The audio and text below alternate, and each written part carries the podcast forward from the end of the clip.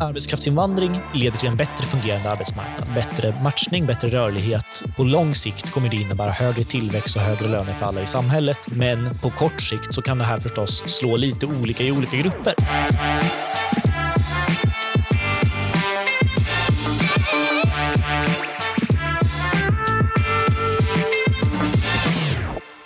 Du lyssnar på Ekonomerna med mig, John Norell och idag min kollega Caspian Rebinder här på Timbro som är arbetsmarknadsansvarig. Välkommen Tack så mycket. tillbaka får jag säga. Tack, tack. Idag ska vi prata om eh, arbetsmarknaden och eh, mer specifikt arbetskraftsinvandring. Eh, Och nu tänker vi oss Colin som bor i Kalifornien i ja, ska vi säga, San Francisco. Han kommer hit som turist till Sverige på turistvisum och så chillar han här, träffar lite härliga människor och eh, inser att så här, gud jag älskar Sverige. Jag skulle vilja flytta hit och eh, bo här. Hur, hur ska han gå tillväga? Mm. Det första Colin behöver göra är att åka hem igen. Alltså, Man får inte söka arbetstillstånd inifrån Sverige.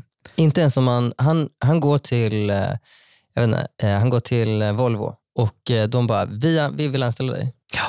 Nej, inte ens då. Det är bara nej. Det är bara nej. Det, det, det här infördes 1968 och har varit stenhårt sedan dess. Att eh, man får absolut inte söka arbetstillstånd inifrån Sverige. Det Mhm. finns några enstaka undantag kan man säga.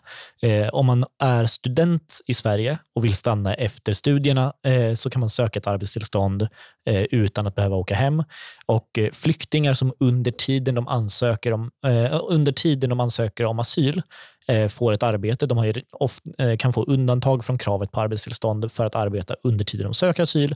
Och om de då har jobbat, Ja. får ett avslag på sin asylansökan och vill fortsätta jobba på samma jobb, så kan de då inifrån Sverige söka ett arbetstillstånd. Ja. Men som huvudregel så, Colin måste ju absolut åka hem. Han får åka till San Francisco och därifrån så får han höra av sig till Volvo och säga att hej, har ni ett arbetserbjudande till mig som uppfyller eh, kraven på kollektivavtalsenliga löner och villkor och att lönen ska vara tillräckligt hög för att han inte ska, ska kunna vara berättigad till några bidrag från Sverige. Eh, då kan han få ett arbetstillstånd och då får han komma tillbaka till Sverige och börja jobba på Volvo. Men Colin är liksom 20 år. Han har liksom ingen specialutbildning så att det kan ju vara så tufft för honom då och, och liksom från USA försöka få ett jobb i Sverige.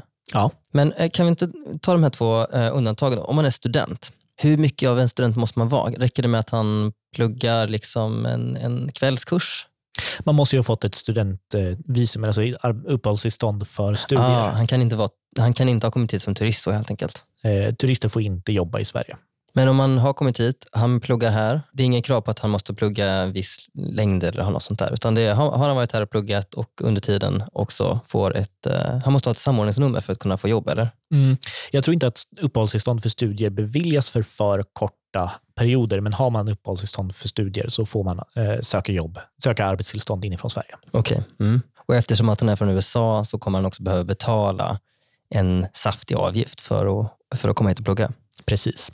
Men han kan ju höra av sig till Volvo ändå. De verkade ju vara sugna på att eh, anställa honom, eh, Mm. berättade du. Eh, och eh, Då kan han säga att ja, men det låter toppen, jag måste bara åka hem emellan och så skickar jag min ansökan och sen kommer jag tillbaka.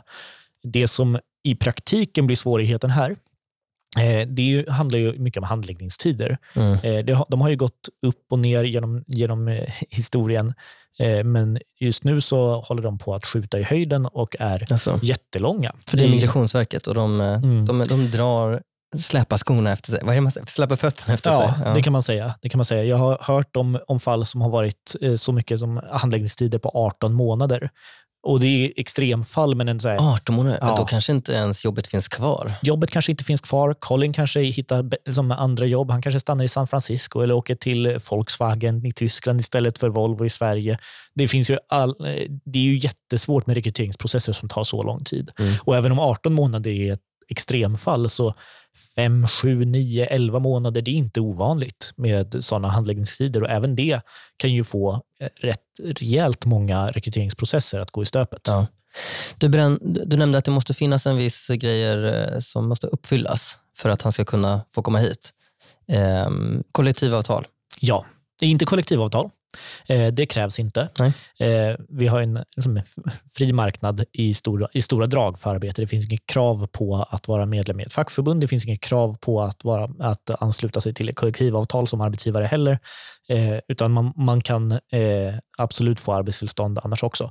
Men syftet är ju att man ska inte kunna dumpa löner genom arbetskraftsinvandring. Man ska inte kunna sänka den generella standarden på arbetsmarknaden. Så lönerna måste åtminstone vara i nivå med den kollektivavtalsenliga minimilönen för mm. motsvarande arbete eller branschpraxis för de eh, arbeten där kollektivavtal är ovanliga. Men är det bara lönen eller eh, liksom allt annat i kollektivavtalet vad gäller liksom semesterersättning och, och eh, övertidsersättning? Det, det är hela rubbet, mm. hela rubbet. Allt måste gälla? Mm. Ja. Och vad var det mer som man var tvungen att liksom uppfylla för att den ska kunna komma och få hit? Precis, så det, man kan säga att det första kallar villkorskravet och det andra är inkomstkravet. Och inkomstkravet säger helt enkelt att du ska inte få, få en för låg lön så att du också är berättigad till till exempel ekonomiskt bistånd eller andra som statliga stöd.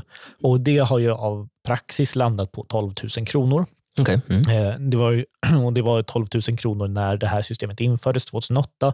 Det har inte räknats upp sedan dess. Det borde det kanske göra med konsumentprisindex eller liknande, men tanken är i alla fall att eh, Eh, om man jobbar i Sverige så ska man inte också kunna få eh, statliga bidrag. Alltså vi ska inte subventionera arbetskraftsinvandringen så att säga. Mm. Och då, då frågar folk ibland, så här, men 12 000 kronor är jättelågt. Behöver man det kravet när vi ändå har det första kravet på kollektivavtalsenliga villkor? Good point. Och Det behöver vi för att det finns också deltid. Eh, man kan ju till exempel ha en kollektivavtalsenlig lön ah, som mm. kanske är på 22 000 kronor mm. och så jobbar man halvtid. Yes. Eller så kan, kanske man har en jättehög lön på säg 40 000 kronor men jobbar 25 procent. Ja, då kommer man inte komma upp i de 12 000 kronorna och då finns det en risk att det blir en offentlig finansiell eh, belastning. Mm. Även, om, även om timlönen är väldigt hög, även om man absolut fyller alla eh, kollektivavtalsenliga krav på löner och villkor. Och då är det ekonomiskt bistånd det som man får från kommunerna då? Ja, precis. Det, det, liksom andra... det, det, är ju inte explicit sagt att det är just ekonomiskt bistånd, men det är liksom eh, det finns en praxis. Bidrag som, bidrag som beror på att man har låg inkomst vill, så vill man inte att arbetskraftsinvandrare ska vara berättigade till. För hela poängen med att de kommer hit är att de ska kunna som, jobba, mm. tjäna mm. pengar, stå på egna ben, bidra till, eh, bidra till sin egen och eh, Sveriges ekonomi. Mm. Så det finns de två kraven. Vad var det någonting mer? Nej, det är egentligen de två kraven mm. eh, som är utgångspunkten. Att uppfyller man de två så har man eh, i princip rätt att arbeta i Sverige eller rätt mm. att ansöka om arbetstillstånd och man borde beviljas ett arbetstillstånd. Efter om ett inte, år. efter, alltså, om man ska ha tid också. Ja, precis. Ja. Man ska ha tyvärr massor, massor med tid. Mm. Eh, I bästa fall så skulle det gå snabbt. Eh, sen gör ju Migrationsverket också en del granskningar av så här, en vandelsprövning av företaget i fråga. Verkar det här vara en seriös arbetsgivare? Kan de betala, har de utrymme att betala lönerna? Och ja. liksom, man gör lite granskningar så att alla, allting kan uppfyllas, så att man inte bara fuskar sig igenom systemet eller trixar sig kring, kring saker. Men utgångspunkten är att det är de två kraven som gäller. Mm. För vi har ingen så arbetsmarknadsprövning i dagsläget som så att eh, ja, men det ska, ja, du ska, det ska kontrolleras att det finns en efterfrågan eller sånt där. Nej. nej. nej. Men det finns en diskussion. Det finns en diskussion mm. och det har ju funnits en sån arbetsmarknadsprövning. Eh, när, eh, när var detta? Ja, det, när, går en snabb recap. Då. Så efter, efter andra världskriget så eh, hade ju Sverige jättehög tillväxt, jättesnabb industrialisering och näringslivet gapade efter mer kompetens, mer arbetskraft. Eh, så man började systematiskt rekrytera människor från inte bara Sverige utan också från eh, Ungern, från Italien, från Jugoslavien, från många andra länder i, Europa. Och eh, det här funkade ganska så okontroversiellt och oproblematiskt. Som regeringen och SAF var väldigt med på, på banan och LO tyckte också att det var helt okej. Okay till någon gång i början och mitten, alltså första halvan av 60-talet. För då började tillväxten trappa av lite grann från de här rekordnivåerna på, mm. liksom, ja, vi hade en 15-årsperiod med en snitttillväxt på 4% per år. Det är nästan eh, kinesiska siffror. Det, alltså, i, idag så är det ju högre än kinesiska siffror. Vissa, vissa Även om år, de ljuger mycket. De ljuger mycket. ja. eh, men vissa år så var ju Sveriges tillväxt på 7 nivåer mm. på den här tiden då är det väldigt lätt att hålla alla glada. Men när tillväxten avtog lite grann, arbetslösheten började öka lite grann från väldigt låga nivåer, men ändå, eh, så började LO också sätta ner sätta eh, som klackarna i backen och säga att nej, men det här vill vi inte ha så fritt längre. Mm. Så 1965 så infördes vad eh, då inrikesminister Erik Holmqvist då kallade för ett fackligt veto.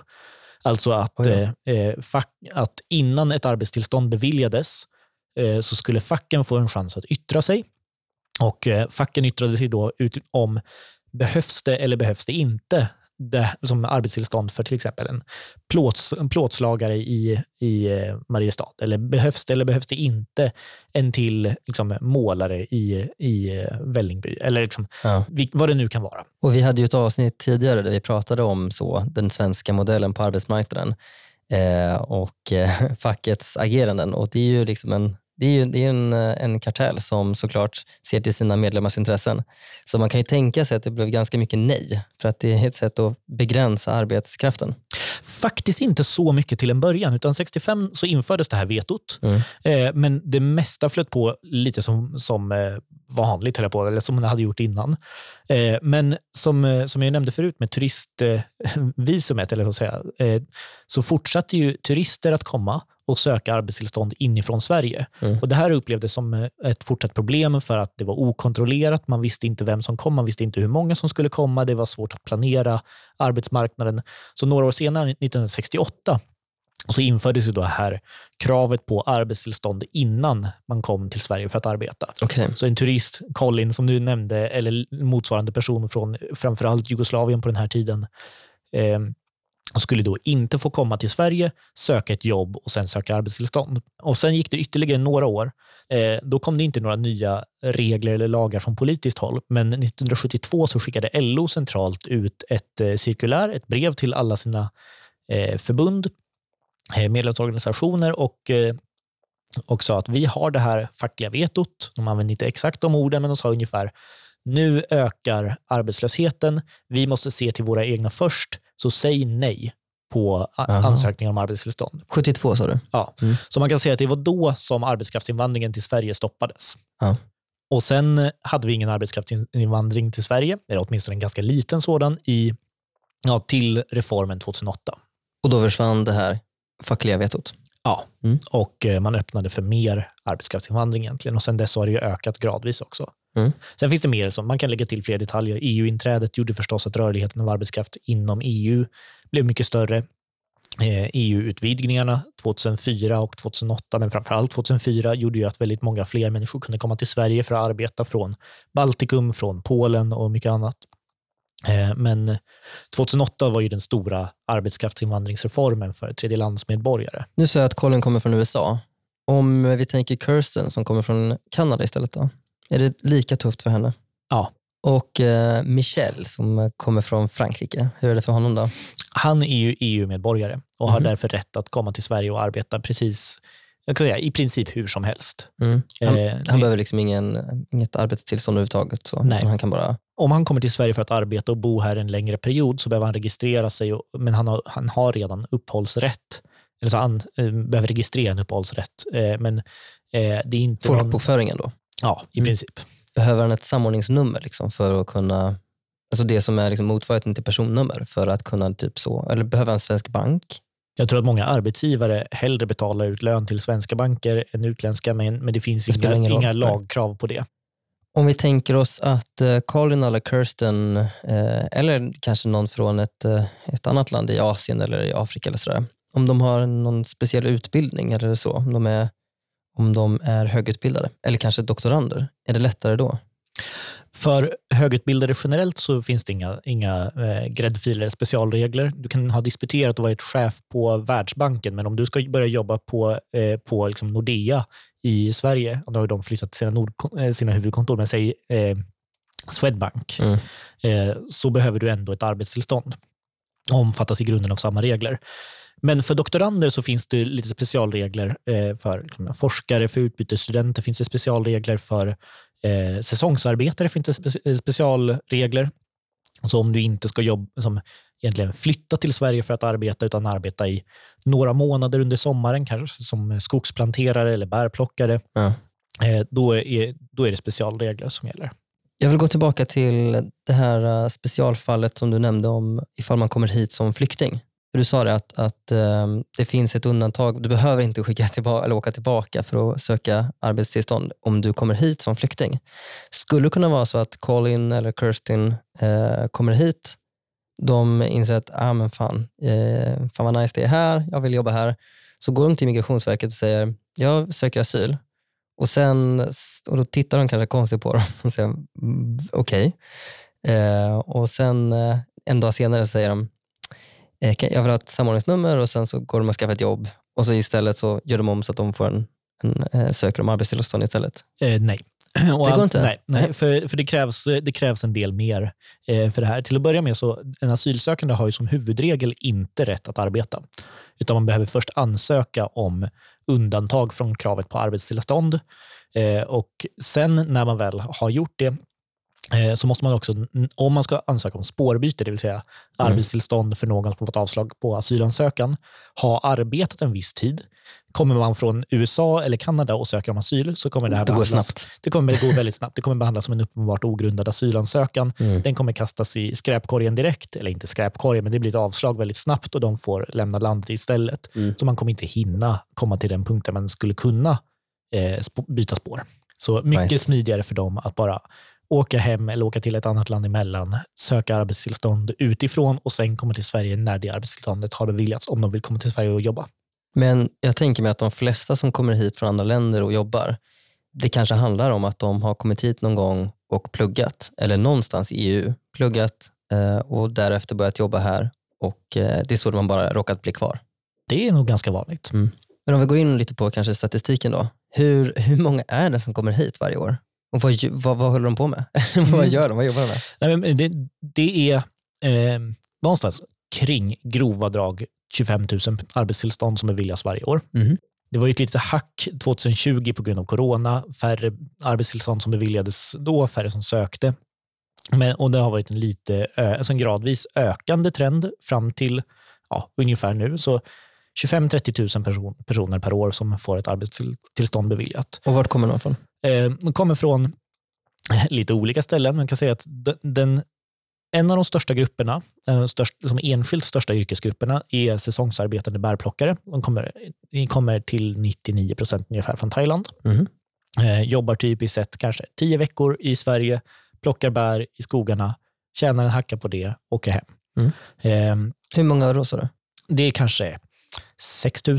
Mm. Nu får lyssnarna dubbelkolla lite siffror här, för jag går på mitt minne och har inte dubbelkollat eh, tabellerna, men jag litar på min, mitt minne tillräckligt för att slänga ur mig lite siffror här. Eh, sen, sen är den nästa största grupp EU som programmerare, ingenjörer, som mjukvaruutvecklare och den, den gruppen kan man säga brett, eh, man skulle kunna säga ett brett... Eh, Spotify? Ja, tekniker och IT eh, människor. Ja. Och de kommer huvudsakligen från Indien, en del från Pakistan, eh, men det är liksom nästa stora grupp.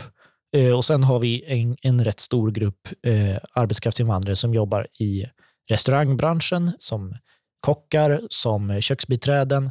Eh, de är i hög utsträckning från eh, till exempel Irak, Syrien, länder som det också har kommit många flyktingar från. Sannolikt personer som eh, har, person, som har eh, nätverk. Som, man känner någon som flydde från Syrien som har öppnat en restaurang i, i Botkyrka och så kan man tänka sig att jobba där för att det är roligare än att bo i Damaskus. Ja. Eh, och, så, och så kan man få arbetstillstånd den vägen. Det är nog okay. en, ganska, en ganska vanlig väg. Mm. Eh, men det är väl de tre stora kategorierna kan man säga. Det är liksom säsongsarbetarna inom framförallt bärplockning, även skogsplantering har vi där. Eh, det är högkvalificerade liksom, systemvetare, IT-arkitekter, eh, ingenjörer, tekniker, mm. högutbildade och det är som restaurang och eh, cateringtjänster. Sen finns det en mångfald av olika yrken utöver det såklart, men eh, det här är de tre enskilt största grupperna. Och de här tre grupperna de har liksom fått arbetstillstånd genom den vägen som vi pratade om förut? Liksom. Ja, precis.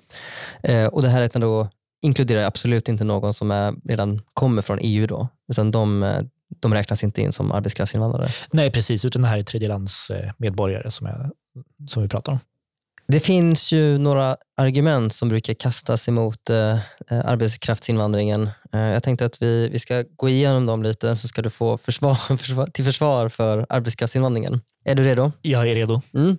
Första argumentet som eh, kanske ofta från eh, de som är skeptiska mot arbetskraftsinvandringen, att de tar våra jobb. Att när invandrarna kommer hit och arbetar, ja, då innebär det att det är någon svensk som eh, står utan arbete. Mm. Det är ett jättevanligt argument och eh, det lyftes av Göran Persson 2002. Han sa att vi ska inte liberalisera arbetskraftsinvandringen så länge det finns arbetslösa personer i Sverige. Och precis samma argument lyfts av Ulf Kristersson och Maria Malmer Stenergard, migrationsministern, mm. idag. Det är liksom det här klassiska vi konkurrerar om samma jobb. Vi konkurrerar om samma jobb, mm. är ju i grunden argumentet. Så, när vi har så många arbetslösa i Sverige, varför ska vi ta in fler personer som jobbar i Sverige? Eh, och eh, då, ut, då utgår man ju från att eh, antalet jobb är statiskt och att eh, man konkurrerar om precis samma jobb. Eh, problemet är att så eh, fungerar inte en arbetsmarknad.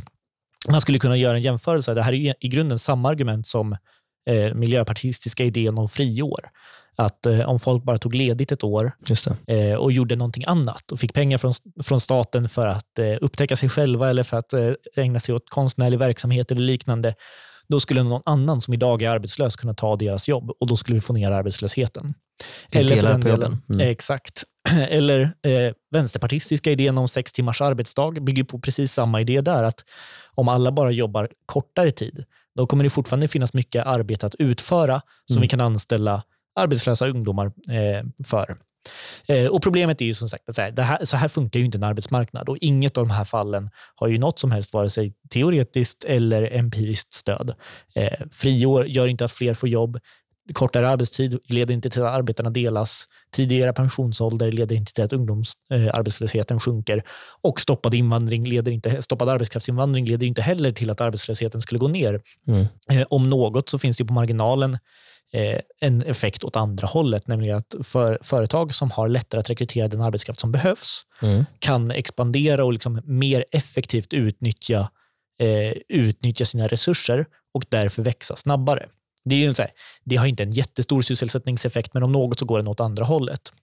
Och Det här hänger ju på att arbetskraftsinvandringen är ju inte bara ett utbud av arbetskraft, utan skapar ju också värde, skapar också efterfrågan på annat arbete.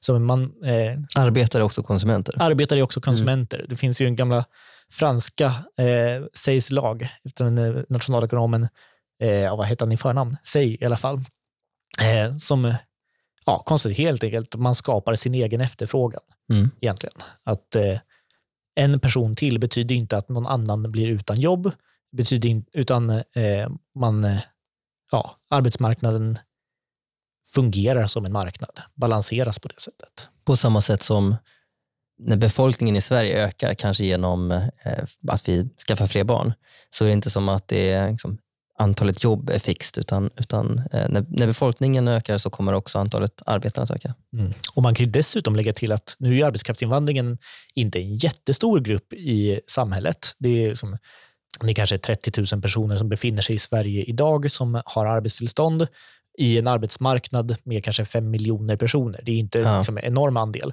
Men effekten som man har på sysselsättningen är att det kommer in fler människor varav alla jobbar. Sysselsättningsgraden ökar. Mm. Det, är ju bättre, så det ger ju bättre utnyttjande av resurserna, bättre ekonomiskt utfall än en högre grad arbetslöshet, lägre grad sysselsättning. Mm. Men helt enkelt, det är helt fel att tänka att uh, här kommer, konkurrerar vi alla om samma jobb, så att det är inte så att de tar våra jobb. Det finns något jättekul uh, South Park uh, avsnitt som handlar om, om, om det här ämnet. Ja, det gör det. Och, They're taking our jobs. They took our jobs. och, ja, men då kommer det människor från framtiden. och framtiden har blivit så, så himla dålig så att de kommer tillbaka för att ja, ta jobben i samtiden istället. Just det, i det avsnittet. Oh, det är så det är. Mm. Mm. Och hur de löser det eh, till slut, det ska jag inte spoila, men det är en smula ekivokt på typiskt South Park-manér. They took our jobs! They took our jobs! Och man kan bara eh, inflika där, i South Park så är det som alltid de fackliga ledarna som är mest emot invandring. En till aspekt. Eh, på det här med att ta våra jobb, det är ju, man kan ju försöka titta på, kommer arbetskraftsinvandrare till de jobb där de behövs? Eh, och Det är en väldigt svår fråga att svara på egentligen. För så här, Vilka jobb är det som behövs och hur mäter vi det? Eh, man kan säga att en arbetsgivare som vill anställa någon, det kanske är bästa måttet på att ett jobb behövs egentligen. Så då kan man säga att alla jobb behövs och alla arbetskraftsinvandrare kommer till någonting som efterfrågas. Mm. Men det är kanske inte ett övertygande svar nog för de som tror att arbetskraftsinvandrare kommer att ta jobb som någon annan hade kunnat ta, någon arbetslös i Sverige. Eh, så om man istället tittar på de bristyrkesindex som finns, eh, SCB försöker ibland och Arbetsförmedlingen försöker, eller både SCB och Arbetsförmedlingen försöker göra uppskattningar av var behövs arbetskraft? Vilka yrken är det som det finns brist eller överskott på arbetskraft inom? Och så jämför man det med var arbetstillstånd beviljas. Mm. Eh, så ser man också att arbetstillstånd som beviljas till yrken där det finns ett brist, eh, yrkes, bristyrkesindex, en prognos, går till 90 procent till yrken som det är brist på i Arbetsförmedlingens bedömning. Det vill säga att, och ytterligare 5 procent balan, till balansyrken, så det är kanske 5 procent som går till vad Arbetsförmedlingen bedömer som överskottsyrken, alltså där det finns ett överskott av arbetskraft. Och det här är ju som hur, hur mycket var det till de bristyrken? 90 procent. 90 procent? Ja. ja. Med andra ord, de som kommer hit och arbetar, ja, de, de tar de jobben som det är ingen annan som vill ta eller ja. kan ta. Ja, men som det är svårt att rekrytera till enligt arbetsgivarna. Som arbetsgivare har, och, och där kan man också säga att det är klart att ingen vill ju i onödan gå över ån efter vatten. Det är mycket, mycket lättare att anställa någon som redan befinner sig i Sverige. Mm. Alltså om jag som arbetsgivare skulle anställa en flykting som har fått uppehållstillstånd, som har liksom sitt samordningsnummer eller kanske till och med medborgarskap och personnummer och hela, hela paketet, eh, så är det ju otroligt enkelt. Så att anställa någon kräver väldigt lite. Eh, medan att, att eh, anställa någon från ett annat land det kräver liksom handläggningstider på ja, upp till 18 månader. Det kan ta ett år att få. Man vet inte om det kommer behandlas eller inte. Det kostar pengar, det kostar resurser, det tar jättemycket kraft. Mm. Det finns ju ingen som frivilligt skulle gå igenom det om det fanns ett lättare sätt att rekrytera. Ja. Men det gör det inte alltid. Eh, så, så redan där har vi nästan ett, nästan ett bevis för att eh, arbetskraftsinvandringen går till yrken som annars är svåra att tillsätta. Ja, det är väl bara att, om man lyssnar på det du säger, de tre större grupperna, när det kommer till högutbildade inom, inom tech, när det kommer till bärplockare och eh, kockar. Eh, det är ju definitivt liksom, områden, yrken som vi har en stor efterfrågan och till och med brist på idag. Absolut. Argument två, de pressar våra löner. När det kommer invandrare hit och arbetar, ja, då innebär det att det blir lägre löner för svenska arbetare. Eh, det är också ett vanligt argument och eh, det stämmer ju inte heller. Eh, man kan säga, den generella effekten av arbetskraftsinvandringen här är ju det, det, är lite svårare att säga att det är fullkomligt fel än argument ett, Mm. men det finns inga tydliga sådana effekter. Arbetskraftsinvandring leder till en bättre fungerande arbetsmarknad, bättre matchning, bättre rörlighet och en högre, högre ut, resursutnyttjande som helhet. På lång sikt kommer det innebära högre tillväxt och högre löner för alla i samhället, men på kort sikt så kan det här förstås slå lite olika i olika grupper. Mm. Och Det finns eh, en risk att eh, vissa yrkesgrupper får eh, lägre löner med någon procent kanske till och med. Eh, men det är också... Vissa grupper. Mm. Ja, men det är också i de storleksordningarna som vi, pratar om, att så här, de grupper som drabbas hårdast får kanske en procent lägre löner. Det finns ju en stor akademisk eh, diskussion kring eh, Marielle Boatlift, som det kallas, alltså ett tillfälle där det kommer många kubanska flyktingar till Miami. Mm. Och så tittar, man, tittar ekonomer då på eh, hur påverkade det här lönestrukturen i Miami och de har bråkat fram och tillbaka väldigt mycket. Det ska, man ska inte gå in, vi ska inte gå in Mm. för djupt på, på det här och nu.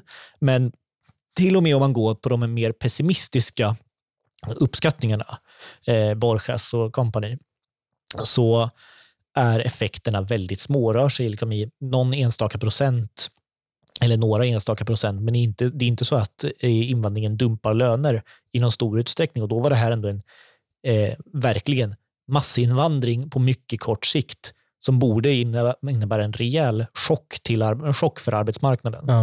Eh, men här, till och med då så är effekterna väldigt små. Det finns dessutom effekter som går åt rakt motsatt håll. en typisk effekt som man har kunnat identifiera och se eh, i mängder av eh, fall eh, och som det finns en ganska utförlig forskning kring är ju att eh, liksom det finns en eh, upppressningseffekt. Invandrare kommer typiskt sett in på mer eh, lågkvalificerade, mm. lågkvalificerade jobb, mm. kör taxi och bakar pizza. Och då börjar svenskarna jobba med något annat? De som annars hade köpt, kört taxi knuffas upp ett steg i här, lönehierarkin, man kan säga. Så den generella produktiviteten för de som redan befann sig i landet innan invandringen får högre löner mm. eh, för att den, de tjänster som behöver utföras, eh, men som, eh, som nu kan utföras av någon annan. Mm. Så om något så, så tyder det mesta på att det är tvärtom. Att liksom, eh, arbetskraftsinvandringen pressar inte våra löner utan höjer våra löner. Arbetskraftsinvandringen höjer också produktiviteten i företag. Eh, man har kunnat se det också. Att, eh, företag som anställer arbetskraftsinvandrare jämfört med företag, alltså syntetiska kontrollgrupper som inte anställer arbetskraftsinvandrare mm. eh, växer snabbare både i omsättning och antal anställda. Eh, man ska väl vara försiktig med att dra alldeles för stora växlar, men det, som allting tyder ju snarare på att ekonomin stärks för de enskilda anställda och för företagen om man tillåter arbetskraftsinvandringen snarare än att lönerna pressas och ekonomin eh, slås omkull. Vi pratade ju också om vad, vad är det för krav som ställs för att man ska få ett arbetstillstånd. Eh, många av de här forskningsresultaten som jag pratar om nu handlar om så här, invandring generellt. Vad händer när en jättestor mängd kubanska flyktingar kommer till Miami eller när en stor eh, grupp, ja, men ofta så är det flyktingar eller kanske anhöriga eller andra invandrare som mm. eh, kommer till ett land. Vad händer på arbetsmarknaden då? Det är ju på ett sätt en helt annan situation, för då är det stora grupper utan någon speciell reglering kan man säga. I Sverige så beviljas ju ett arbetstillstånd bara om man får ett arbetserbjudande som inte understiger kollektivavtalsenlig lön. Det vill säga man får bara arbeta här om, om man inte sänker lönerna. Mm. Så att tro att liksom några tusen personer som får kollektivavtalsenliga löner skulle sänka lönerna på den svenska arbetsmarknaden det, det, är väldigt svårt att ens förstå i teorin hur det skulle kunna gå till. Nej. Och Det här kan man också konstatera att till och med de kanske främsta, eh, främsta an, användarna av det här argumentet från LO-hållet, eh, som deras utredare säger också att någon sån effekt har vi inte kunnat se. Det är liksom, de kanske tror att den skulle kunna finnas i teorin, kanske oroar sig lite för att om arbetskraftsinvandringen blev mycket större så skulle vi se någonting åt det hållet. Men inte ens de tror att det här händer idag. Så att um, det går inte att säga att arbetskraftsinvandring generellt pressar löner? Nej. Nej. Okej, okay, argument tre. De kostar ju pengar för staten. Och det gör de ju. Eh, alla människor som befinner sig i Sverige kostar ju någonting för staten. Och alla människor som jobbar i Sverige drar ju också in någonting till staten. Mm. Och Där kan man ju ha som utgångspunkt, det tycker jag är en ganska klok utgångspunkt, att eh, Sverige kanske inte ska subventionera in arbetskraft till, eh, till Sverige. Alltså att, att om man kommer för att arbeta i Sverige så är det en rimlig utgångspunkt att man ska göra det som, så att man står på sina man egna ben. Kunna försörja sig själv. Man försörjer sig själv, mm. precis. Och försörjer sig själv även offentligfinansiellt. Eh, och då får man ju kolla eh, rimligen på genomsnittliga kostnader. Liksom en person som eh, jobbar i Sverige och, och eh, kanske så här, halkar bryter lårbenshalsen. Jag vet inte exakt hur dyr en, en sån operation är, men det är sannolikt att den personen kanske inte har täckt hela den kostnaden. Mm. Men man har kanske täckt snittet, alltså risken för kostnaden gånger risken att man hamnar där. Så att andra arbetskraftsinvandrare som, som arbetskraftsinvandrare som kollektiv kan man säga väger upp, eller alltså varje enskild täcker i förhand risken för de kostnader som sannolikt kommer att uppstå.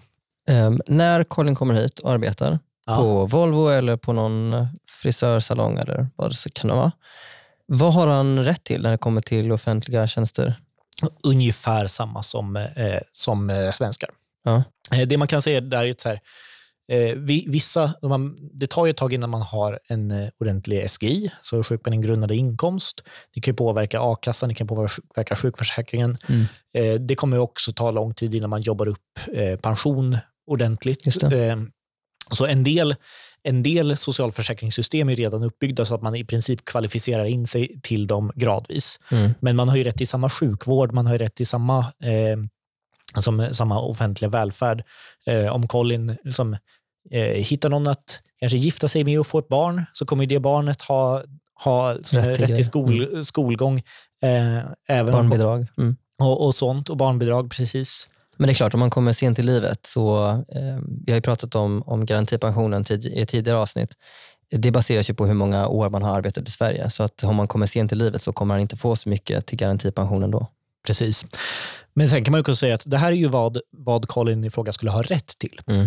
Men vad man har rätt till och vad man faktiskt konsumerar är ju inte samma sak.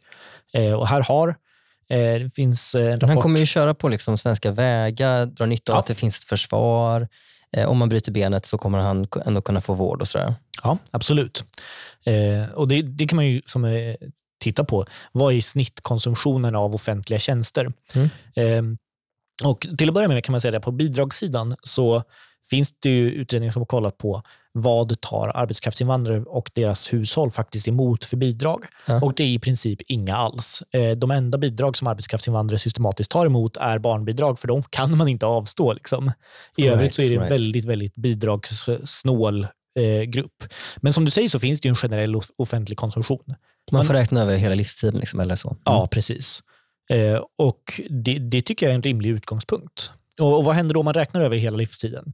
Ja, men, eh, jag, jag har ställt upp det eh, i en artikel som man kan eh, läsa på Smedjan och utgår då från så här, men, hur gammal är den genomsnittliga arbetskraftsinvandraren?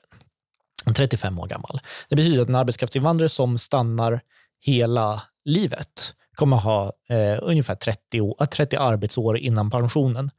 Eh, men de flesta stannar ju inte i Sverige. Mm. Utan eh, det är bara en av tio ungefär som eh, får ett permanent uppehållstillstånd. Det vill säga Jaha. stannar mer än fyra år och sen ja, söker permanent uppehållstillstånd. För bärplockarna åker tillbaka efter säsongen så att säga. Ja, Och det är många andra som också åker tillbaka efter ett par år. ja Mm. precis. Så det är ändå ganska få som stannar permanent. Vilket ju också gör att eh, om man tittar på arbetskraftsinvandringen som, som kollektiv, som grupp, eh, så har man ju då, alltså av tio, tio arbetskraftsinvandrare, så kanske nio jobbar i säg, två, tre år Mm. och en jobbar 30 år och går sen i pension. Eh, och Det här spelar ju jättestor roll för de genomsnittliga inkomsterna och för offentliga, de offentliga finanserna eftersom eh, man kan ju hårdraget säga att människor kostar inga pengar för staten förrän de är 75. Mm. Lite hårdraget, men det är ungefär sant. Alltså, personer som är i arbetsför ålder har väldigt låg grad av hälsoproblem, väldigt låga sjukvårdsutgifter, eh, väldigt låga... Alltså man, man har det här generella, det tickar på till försvar och infrastruktur och sådana generella kostnader. Men eh, den offentliga konsumtionen per person, den skjuter i höjden när man blir, alltså när man är väldigt ung och har mycket barnomsorg och, och, eh, och eh, skola. Inte till för någonting, nej. Och inte tillför någonting. Och när man är mycket gammal och har eh, som åldersrelaterade sjukdomar och eh, behov av, av åldersrelaterad omsorg. Däremellan har man ganska lång tid på sig att tjäna in alla de här pengarna kan man säga. Vad, vad borde man då ha för inkomstgräns har jag funderat på. Så här, om, om man ska täcka de genomsnittliga förväntade kostnaderna per arbetskraftsinvandrare. Vi, vi, vi vill liksom att den här gruppen arbetskraftsinvandrare, de ska ändå kunna betala, vi ska ställa, ställa krav på, eh, på att de har inkomster, åtminstone så att de kan försörja gruppen. Liksom. Ja, eller man kan, man kan också se det som att en, gen- en arbetskraftsinvandrare ska täcka sina genomsnittliga kostnader givet vad vi vet att arbetskraftsinvandrare kostar. Okay. Mm. Så, Så det är liksom de här tio stycken ska försörja den här en person som stannar kvar under hela sin livstid? Eller? ja, alltså de, de tio ska ju försörja alla tio, Mm. men eftersom nio av dem drar ganska snabbt så finns det ju inga kostnader där utan bara intäkter. Vilket då drar ner då kravet på att de eh, ska tjäna mycket pengar. Mm. För skulle man stoppa alla dem med hänvisning till den tionde, då skulle ju Sverige som gör en stor offentlig finansiell förlust. Precis. Mm. Eh, och eh, väger man ihop det här då, som andelen som stannar, eh, den offentliga konsumtionen per åldersgrupp, vilka skatteintäkter man har, Mm. eh, så landar man ju i att en ganska skälig äh, inkomstgräns är 19 000 kronor i månaden. Det är ganska högt ändå. Det är det. Men det här ska man komma, komma ihåg att så här, då har jag räknat på vilken inkomstgräns som skulle gälla om de hade samma inkomst hela perioden. Så egentligen så kanske den borde vara lite lägre för folk ökar ju typiskt sett sin inkomst över ett arbetsliv. Mm.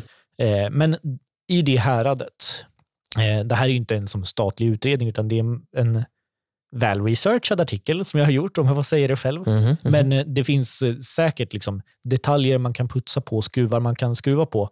Men, och däromkring borde man hamna. Mm. Där kan man ju bara jämföra det med eh, den nytillträdda regeringens förslag om att höja eh, inkomstkravet till medianlönen, det vill säga 33 000 kronor i månaden. Mm. Eh, Vad, vad är det idag? Vad är kravet idag på hur mycket du ska tjäna? 12 000. 12 000? Och kollektivavtalsenliga mini- miniminivå. Det vill säga om man jobbar heltid så finns det, ju, det finns ju inga kollektivavtalsenliga miniminivåer som är under omkring sig 22 000.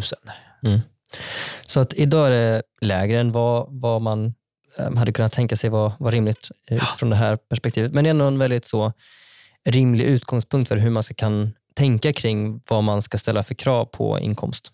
Ja. Och, och, och så är det då inte i tidavtalet. eller Den här regeringen vill ju ha eh, vad sa du, 33 000, eller Ja, median. Mm. medianlönen och den är ungefär 33. Mm. Eh, och Det betyder ju att så här, men en, om alla de arbetskraftsinvandrare som, Tjäna mellan 19 och 33. exakt, Det är många. det är många och de hade ju inneburit offentligfinansiella vinster för Sverige. Så inte bara liksom att de själva hade tjänat pengar, inte bara att företaget som anställde dem hade tjänat pengar, utan Sverige som stat och som offentlig ekonomi. Och som, Sverige som stat. Jo, men alltså, må, må, må, Jag- jag fattar många bryr sig-. Jag man, man skulle ja. kunna räkna samhällsekonomiska vinster och inte offentligfinansiella. Den här beräkningen utgår ju från det offentligfinansiella. Tittar man på samhällsekonomiska vinster så tror jag att man måste sänka lönegränsen väldigt mycket mer. Mm. Men, men det är en helt annan uträkning och den har jag inte gjort egentligen. Men alla de som Regeringen borde räkna på det i alla fall. Ja, re- regeringen borde räkna på det här, men alla de som befinner sig mellan 19 och eh, 33 000 kronor eh, hade inneburit en offentlig finansiell vinst för Sverige, men kommer nu stoppas, vilket ju innebär en förlust jämfört med alternativet för, för vår del, för statens del och för Sverige som samhälle. Eh, och eh, ja, Det är ju bara att vi skjuter oss själva i foten och de potentiella eh, arbetskraftsinvandrarna också i Ja. deras respektive fötter. Om det nu är någon riksdagsledamot som har tillgång till liksom, eh, riksdagens utredningstjänst så kan det här är ju tips att, att eh, få dem kanske att utreda det här. Då. Ett sätt som vi skulle kunna trycka ner det här kravet på, på inkomst är ju att införa någon typ av kvalificering till välfärden. Hur, hur skulle man kunna göra det? Eller vore det liksom en bra grej? För då skulle man kunna kräva kanske ännu lägre eh, inkomst för att kunna få arbetskraftsinvandra. Därför att då kommer de inte att eh, direkt ha tillgång till de här eh, systemen. Det, det, det skulle nog kunna vara en bra grej, men mycket av det täcks ju faktiskt redan i att man har krav på sjukförsäkringar, man har krav på försäkringslösningar för de, de flesta större, eh, större möjliga utgifter. Det som kan hända är ju att om en person stannar i fyra år och så får förlängt arbetstillstånd i två år till och sen ett permanent uppehållstillstånd, då kommer man ju omfattas av den generella välfärdsstaten. Och jag är absolut inte främmande för högre grad av kvalificering in till välfärdsstaten, men jag tror inte man ska vara allt för optimistisk kring hur mycket det faktiskt skulle sänka kostnaderna. Eh, alltså kostnaderna är redan rätt låga och vinsterna är redan rätt stora. Eh, så det är inte på arbetskraftsinvandringsområdet som jag tror att kvalificering till, till välfärdstjänster skulle göra mest. Det, däremot kanske på asylområdet kan man nog pressa kostnader den, den vägen. Så att eh, kvalificering till välfärden hade kanske kunnat sänka gränsen lite grann, men eh, inte nödvändigtvis, nödvändigtvis himla mycket. Men det kanske också inte bara är en fråga om samhälls, liksom, samhällsekonomisk effektivitet, utan också en eh, liksom, ideologisk eller moralisk fråga. Ja, men eh, jag tror att vill man underlätta för arbetskraftsinvandring och stärka Sveriges ekonomi så är det viktigare att eh, dels hålla emot höjningen av inkomstkravet till medianlön, Mhm. dels pressa eh, handläggningstider så att fler kan ja, få ett jobb innan det har gått liksom ett år eller ett och ett halvt, utan att rekryteringar faktiskt funkar. Det kan också göra att svenska företag som behöver den här arbetskraften får möjlighet att rekrytera de som behövs. Okej, fjärde och sista argumentet då. Arbetskraftsinvandring leder till fusk och utnyttjande av utsatta personer. Mm. Och det här är ju ett knepigt eh, område förstås, av många skäl. Dels för att det av väldigt naturliga skäl är, eh, finns bristande information här. Så här. Hur känner man till de som försöker bryta mot lagen utan att det märks? Ja, I vissa fall kommer det ju fram. Och Det är klart att det finns fusk i den här sektorn, precis som det finns fusk i alla andra sektorer. Liksom allting som är reglerat kommer folk försöka trixa sig runt på eh, olika sätt. Det, det här har ju varit en återkommande diskussion eh, kan man säga sen, sen 2008 när det här systemet infördes. Det, bland det första som hände var ju att en del eh, ganska eh, krasst skurkaktiga arbetsgivare anställde, eh, som anställde arbetskraftsinvandrare utan ambition att betala deras löner. Eh, ibland så kanske man låste in dem på arbetsplatsen, behöll deras pass. Eh, liksom det fanns mycket missbruk och mycket liksom skumrask eh, i, i den sektorn. Mm. Eh, och det här uppmärksammades förstås i media, det uppmärksammades av oppositionen och det uppmärksammades av regeringen som ganska snabbt gav Migrationsverket i uppdrag att alltså, kolla lite närmare på det här, gör den här typen av vandelsprövningar innan arbetstillstånd beviljas, eh, kontrollera att det finns ekonomiska medel att betala ut löner eh, och så införde man också ny lagstiftning eh, för att motverka missbruk av arbetstillstånd. När gjorde man det? Eh, det här var under perioden 2010 till 2014. Så de här lagändringarna trädde i kraft 14-15. Migrationsverket fick skärpta uppdrag att, att kolla på det här redan från 2010. Och Det här konstaterade ju då den, LO till exempel i sin rapport Fusk och utnyttjande från 2013 att de åtgärderna som Migrationsverket hade vidtagit redan hade haft stor effekt. Okay, mm. Och lärdomen här skulle jag säga är ju att det går att komma åt fusk i väldigt hög utsträckning genom att vara lite liksom mer proaktiv, lite smartare, lite... Liksom, eh... Det är ju trots allt trafficking. Ja, ja absolut. Eller, och det är redan olagligt. Ja, det, det, är bara att man det, jobb, måste jobba hårdare med det. Ja, men precis, det finns trafficking, det finns avtalsbrott, det finns massor med, massor med saker som inte är bra, som det redan är olagligt, som borde absolut vara olagligt, som borde beivras. Eh, och där finns det mycket att göra. Till exempel Eh, så finns det väldigt långtgående sekretessregler mellan myndigheter. Så Skatteverket och Migrationsverket har svårt att dela information med varandra, vilket gör att personer som kanske borde få sitt arbetstillstånd återkallat inte får sitt arbetstillstånd återkallat. Det gör att eh, företag som kanske fuskar med skatten eller arbetstiderna inte, som att man inte kommer åt dem på samma sätt som man borde. och Det här är ju jätteviktigt att man faktiskt löser. Mm. Men innan man springer iväg hela vägen och kastar ut barnet på badvattnet och säger att kolla det finns fusk, alltså måste vi, mm. precis, allt måste vi stoppa arbetskraftsinvandringen, så behöver man ju dels fundera på eller försöka uppskatta hur stort är det här fusket? Mm. Och Det är en jättesvår fråga som sagt. Eh, det finns några utredningar som har försökt och de hintar som finns är att det är inte jättestort. Några branscher är hårdare drabbade. De branscherna har Migrationsverket ofta fått specialuppdrag att titta närmare på. Varpå, Vilka, typ restaurang? Eh, restaurang har det varit. Bär, bärplockning, nej, direkt mm. efter 2008 så var bärplockning en riktig eh, skurkbransch, så att säga. Eller en, mm. en utsatt bransch för mycket fusk. Men där var det liksom staten, alltså regeringen, Migrationsverket och eh, fack och arbetsgivare, så kommunala och gröna arbetsgivare, som tillsammans eh, löste det här kan man säga. Liksom kom fram till gemensamma riktlinjer, gemensam tillsyn eh, och visade att eh, med liksom något slags, jag tycker nästan Elinor Ostromska Governing the Commons-varianter, eh, så växer institutioner fram för att kontrollera att folk inte hanteras illa. Och nu, så, och nu är ju eh, bärplockningen en väldigt välfungerande bransch. Mm. Eh, Kommunal, som är eh, ansvarigt fackförbund för bärplockare, eh, har ju som konstaterat att bärplockningen funkar toppen. Det är lugnt i de svenska skogarna.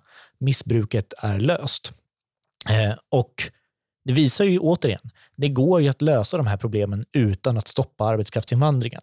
Så utan att kasta ut den här enorma vinstmaskinen, så att säga. Sverige har ju uppskattningsvis liksom, 12 liksom miljarder årligen i skatteintäkter från arbetskraftsinvandringen. 36 eh, miljarder i ökad BNP mm. tack vare arbetskraftsinvandringen. Eh, istället för att stryka det rakt av så kan man gå på eh, fuskbranscher eller de liksom, sektorer där det förekommer en del skumheter och hitta som bättre, mer träffsäkra vägar att komma åt det. Men bara för att några jobbar som så att säga, bärplockare, så eh, det kanske man inte själv tycker är en så himla attraktiv arbetsplats eller sysselsättning. Men för de som kommer hit och plockar bär så är det deras bästa eh, möjlighet till försörjning. Annars hade de inte kommit hit kanske. Nej, de tar inte våra jobb. Nej, de pressar inte våra löner.